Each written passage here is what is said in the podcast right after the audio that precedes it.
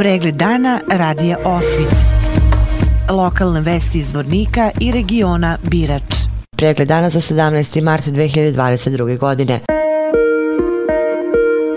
Policijski službenici policijske stanice Zvornik lišili su slobode lice inicijala VT iz Branjeva zbog osnova sumnje da je počinjelo krivično delo ubistvo. U sopštenju policijske uprave Zvornik navode da je policija u Kozluku juče tragala za licem VT iz Branjeva zbog osnova sumnje da je počinio tri krivična dela, telesna povreda, ugrožavanje sigurnosti i proganjanje. U sopštenju se podsjeća da je policija u Kozluku utorak u večernim satima RV iz Roćevića prijavio da je u gostiteljskom objektu u Šepku lica VT fizički napalo na lica GM.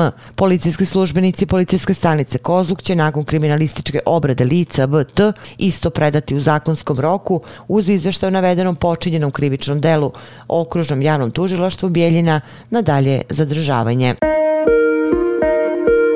Na području policijske uprave Zvornik u februaru mesecu počinjeno je 50 krivičnih dela. Dogodila su ukupno 31 saobraćena nezgoda, dok je javni red i mir narušen u 27 slučaja. Prezentovano je na današnjoj redovnoj konferenciji za štampu. Detaljan izveštaj u prilogu.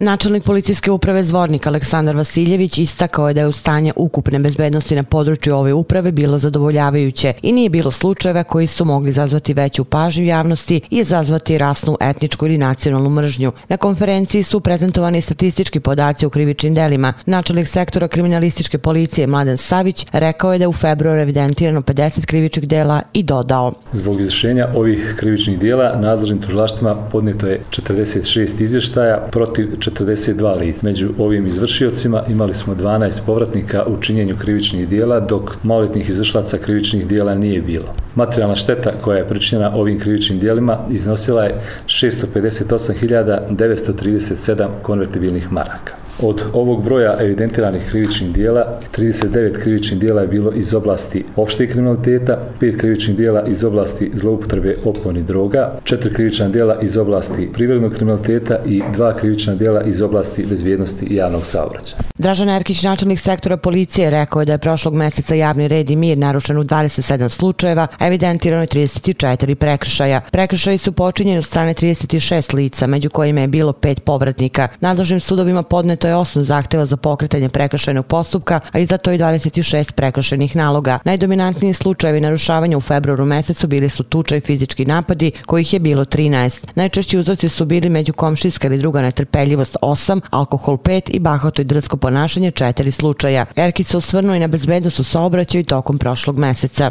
Od ukupno 31 saobraćajne nezgode i 12 saobraćajne nezgoda bili su sa nastradalim licima. Bila je jedna saobraćajna nezgoda sa poginulim licem na području području policijske stanice Bratunac, u pitanju je vozač traktora, zatim tri saobraćaje nezgode bile su sa teško povrijeđenim licima i osam saobraćaje nezgoda sa lakše povrijeđenim licima. Saobraćaj nezgoda sa materijalnom štetom bilo je ukupno 19.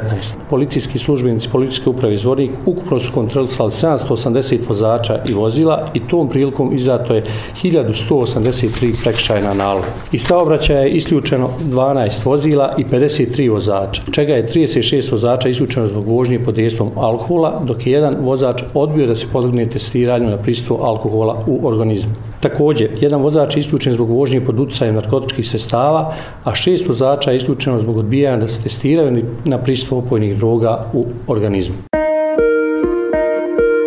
Kompanija Lumina je pravi primjer dualnog obrazovanja i saradnje obrazovnih ustanova i privrede. Istaknuto je na sastanku predstavnika menadžmenta Alumine, Privredne komore Republike Srpske i javne ustanove Tehnički školski centar.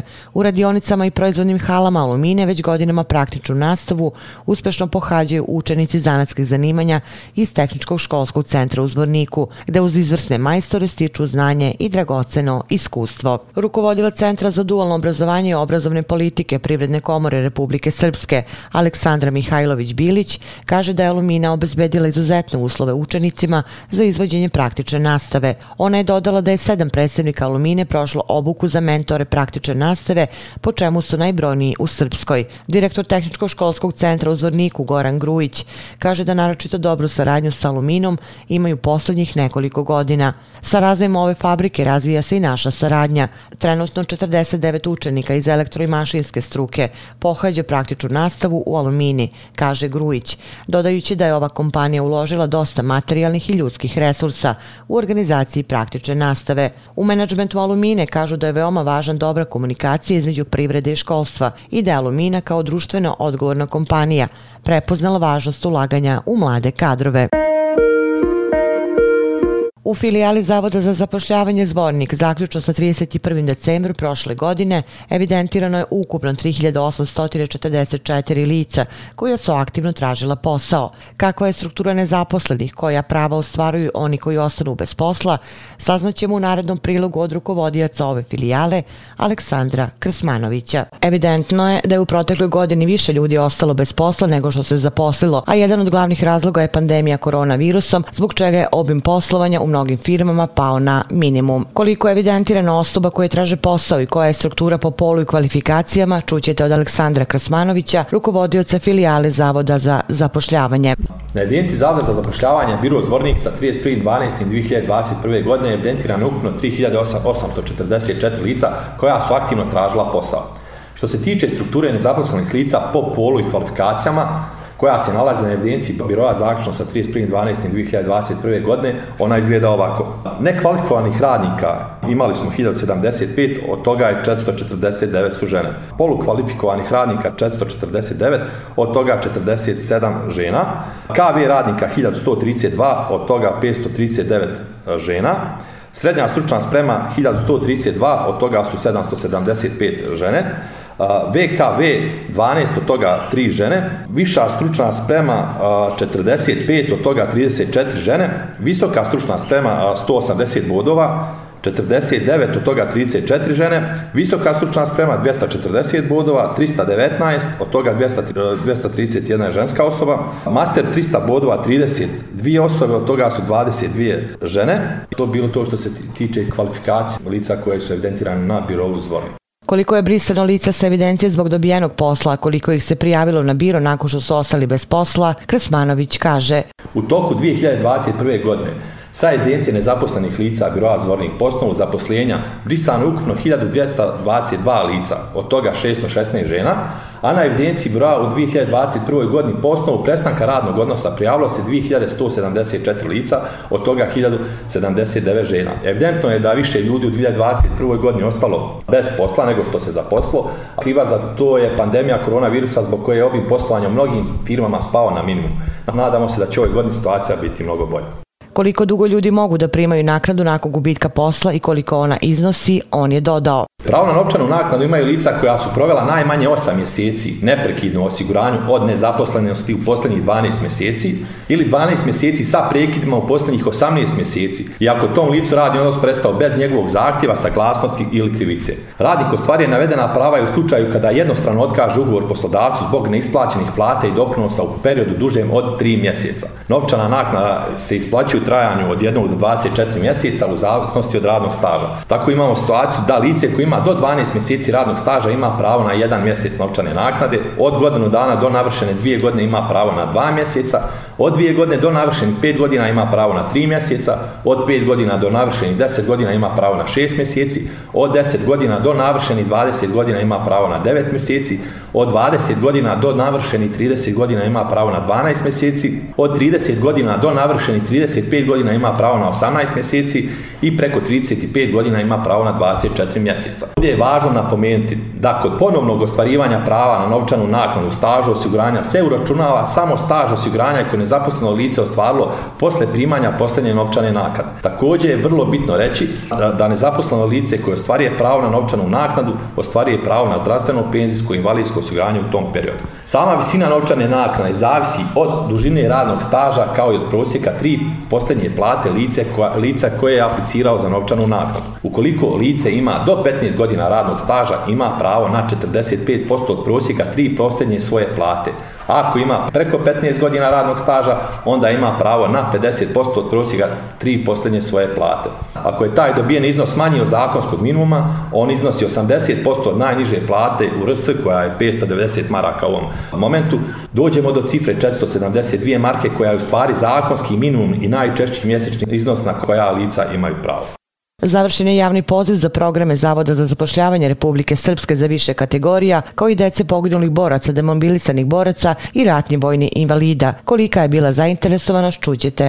I ove godine Ministarstvo rade boračko-invalidske zaštite i javna ustanova Zavod za zapošljavanje Republike Srpske raspisali javni poziv poslodavcima i nezaposlenim licima za korišćenje sredstava po programa zapošljavanja u 2022. godine. Javni poziv je bio otvoren do 7.3.2022. za tri programa, za četvrti program javni poziv je još uvijek otvoren. Prvi program i po meni najbitniji program simbolično se zove Zajedno do posla, a tiče se zapošljavanja i samo zapošljavanja djece i polnih boraca, demobilisanih boraca i ratnih vojnih invalida u VRS u 2022. godini. Prijednost ovog programa je 3 miliona konvertivnih maraka, finansira se iz budžeta RS i njime je predviđeno zapošljavanje 387 lica iz ove kategorije na nivou Republike Srpske. Što se tiče biroa Zvornik, po ovom programu 56 osoba je apliciralo za samozapošljavanje, naravno lica koja su iz ove kategorije vode se na evidenciji biroa, a osam firme je izrazilo zainteresovanost da zaposli osam lica koji spadaju u ovu kategoriju, što u statusu radnika, što u statusu pripravnika. Sljedeći program tiče se zapošljavanja i samozapošljavanja ciljnih kategorija. Za ove namjene iz budžeta RS izvone 3 miliona i 650 hiljada konvertibilnih maraka, a predviđeno je zapošljavanje 850 lica na nivou Republike Srpske. Ovdje je također bilo veliko interesovanje, tako da su za komponentu samozapošljavanja aplicirala 41 lice iz ove kategorije, a koja se nalazi na evidenciji broja. A 74 firme su aplicirale za 270 lica iz ove kategorije, koja se također nalazi na evidenciji broja. Treći program se odnosi na zapošljavanje mladih sa visokom stručnom spremom u statusu pripravnika. Za te namjene je obezbijeđeno 2 miliona e, 52 hiljade KM-ova i predviđeno je zapošljavanje 285 lica iz ove kategorije. Zvornik je ovdje pokazao veliku zainteresovanost tako da, da su 13 firmi i institucija aplicirale za ukupno 58 lica iz ove kategorije. Četvrti program koji sprovodi Zavod za zapošljavanje e, Republike Srpske tiče se podrške privrede putem povrata i uplaćenih poreza i doprinosa za novo zapošljavanje radnika. Za ovaj program iz budžeta Republike Srpske izdvojeno je 5 miliona KM-ova, a pravo da apliciraju imaju privredni subjekti koji su imali povećanje broja zaposlenih 31.12.2021. godine u odnosu na 31.12.2020. godine. Do današnjeg dana 35 privrednih subjekta je apliciralo po ovom programu. Javni poziv ovog programa još nije zatvoren i traje do dalje prvim toplim danima počeli su poljoprivredni radovi na pripremi njiva, ali radovi na uređenju dvorišta i vrtova. Upravo zbog toga u ovom periodu godine iz policijske uprave Zvornik upućuju apel građanima da budu pažljivi prilikom spaljivanja otpada. U dostavljenom saopštenju se naglašava da je pri spaljivanju korova i drugog zapaljivog materijala potrebno ugasiti ostatke nesagorelih materija kako bi se sprečilo njihovo raznošenje vetrom i pojava nekontrolisanog gorenja. U većini slučajeva vatra se prenese na šumske komplekse, prouzrokujući veliku materijalnu štetu. Ukoliko primetite požar, o tome treba odmah da obavestite vatrogasnu jedinicu na broj 123, najbližu policijsku stanicu na broj 122 ili centar za obaveštavanje na broj 112. Zakonom o zaštiti od požara definisana je novčana kazna od 100 do 1000 maraka za prekršaj fizičkog lica koje pali korov ili drugi poljoprivredni otpad bez prethodnog obaveštenja vatrogasno-spasiličke jedinice i ukoliko ne preduzme sve neophodne radnje u cilju sprečavanja širenja vatre.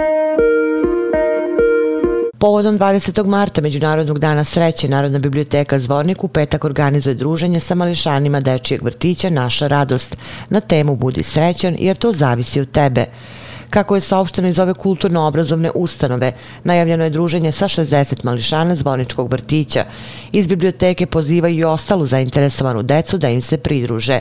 Kroz video prezentaciju i priče mališane ćemo postaći da pričaju o sreći i o tome šta za njih predstavlja sreća, poručuju iz biblioteke. Druženje u petak zakazano u 9 časova i 30 minuta i 10 časova u čitaonici Narodne biblioteke Zvornik. Nakon što je u kladionici koristio aparat za igre na sreću, Milićanin se vratio sa sekirom i polupao aparat koji je koristio. Ovaj slučaj juče je prijavljen policijskoj stanici Milići, čiji su službenici izvršili uviđaj na licu mesta i došli do saznanja da se radi o licu inicijala RJ iz Milića. O svemu navedenom je obavešten dežurni tužilac okružnog javnog tužilašta Istočno Sarajevo, koji je naložio dostavljanje izveštaja o počinjenom krivičnom delu, oštećenje i oduzimanje tuđe stvari. Vesti iz Loznice. Takmičari Jiu-Jitsu kluba Loznica, deo Akademije borilačkih sportova, uspešno su proteklog vikenda nastupili na Evropskom kupu u Budimpešti, gde su se okitili sa tri zlatne, srebrenom i pet bronzanih medalja. Ko su najuspešniji takmičari možete pročitati na sajtu lozničkenovosti.com. Pratili ste pregled dana za 17. mart 2022. godine. Prijetno večer. Pregled dana radija Osvit. Lokalne vesti iz Vornika i regiona Birač.